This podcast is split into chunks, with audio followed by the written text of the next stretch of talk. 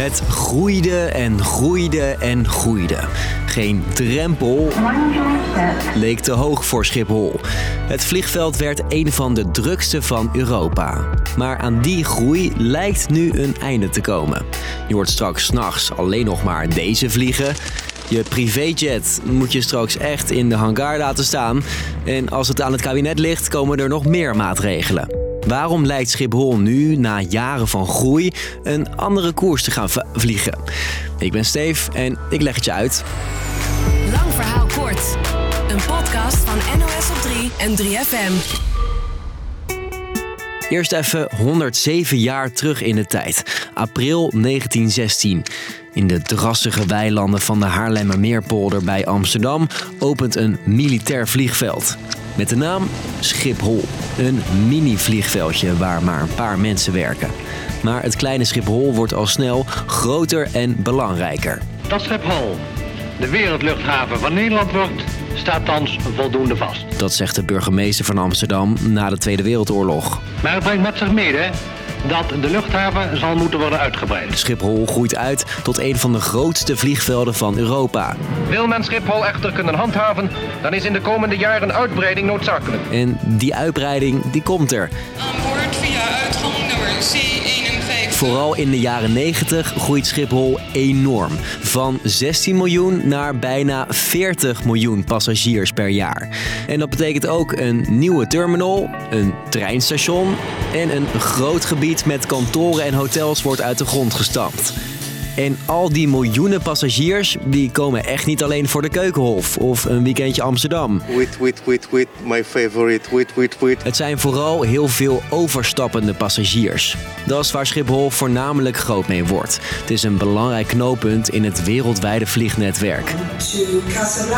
Dat levert Nederland een boel geld en banen op. Tientallen duizenden mensen hebben hun salaris te danken aan Schiphol. Maar met een steeds groter Schiphol is niet iedereen blij. De mensen in de buurt bijvoorbeeld, die wakker liggen van al die vliegtuigen. Schiphol, stop! We worden gek! Dit was eind jaren 60 al. We willen rust, we willen slapen! De kritiek gaat niet alleen over geluidsoverlast, maar ook over het milieu. We moeten nu actie ondernemen, we moeten nu onze consumptie beperken. Dat geldt met vorne, geldt hoofdzakelijk voor, uh, voor het vliegverkeer. De afgelopen tien jaar komen er ook steeds meer rapporten uit over de nadelige effecten van Schiphol. Zoals fysieke en mentale gezondheidsproblemen voor omwonenden. Steeds vaker is de vraag: moet Schiphol niet kleiner worden? Iets meer op dat drassige weiland gaan lijken. Tegelijkertijd was dit de opening van een journaal nog geen vier jaar geleden. Goedemiddag. Het kabinet zegt dat Schiphol in 2021 weer mag gaan groeien. En dus zijn de protesten er niet minder op geworden. Met honderden activisten houden we privéjets aan de grond. De overheid grijpt niet in, dus moeten wij het doen. Maar inmiddels lijkt de kritiek nu ook bij de overheid te zijn geland. Het aantal vluchten vanaf Schiphol wordt met 60.000 verminderd, besloot het kabinet vandaag. Ja, vorig jaar zeiden ze in Den Haag voor het eerst: Schiphol moet krimpen. Alleen vliegtuigmaatschappijen vinden dat het kabinet ook naar andere oplossingen, zoals stillere vliegtuigen, moet kijken. En dus stappen ze naar de rechter. Die geeft hen deze week gelijk. Het kabinet mag niet zomaar minder vluchten eisen. Er moet eerst een hele procedure worden doorlopen. Duurt nog even, dus zijn de krimpplannen net als de polderbaan ver weg. Blijft dan nu alles zoals het was? Nou, nee. Schiphol gaat over twee jaar alle nachtvluchten tussen middernacht en vijf uur verbieden. En privéjets zie je straks helemaal niet meer op Schiphol. Ze willen nu dus zelf krimpen.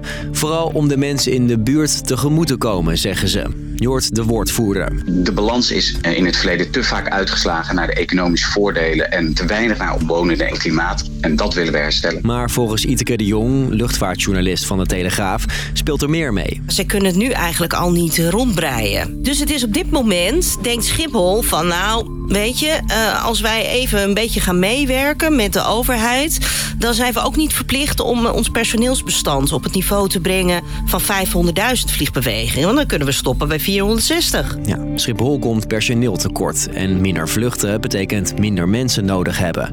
Maar ook minder goede vrienden met KLM, TUI en alle andere maatschappijen. Ja, Schiphol die heeft eigenlijk een beetje verraad gepleegd in deze richting haar klanten. Maar dat zal buurbewoners een zorg zijn, want als zij in 2025 in bed liggen, hopen ze niet meer dit, maar dit te horen.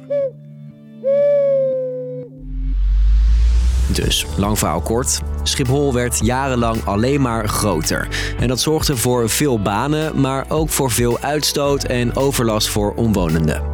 Kabinetsplannen om het vliegveld te laten krimpen werden door de rechter op de lange baan geschoven. Maar Schiphol zelf zegt nu ook te willen krimpen. En dat betekent dat uiterlijk 2025 alle nachtvluchten geschrapt worden en privéjets niet meer welkom zijn. Oh wow, de tijd vliegt. Dat was hem alweer. Laat alle info even landen en morgen vliegen we dan weer in je podcast-app met een nieuwe aflevering. Doei!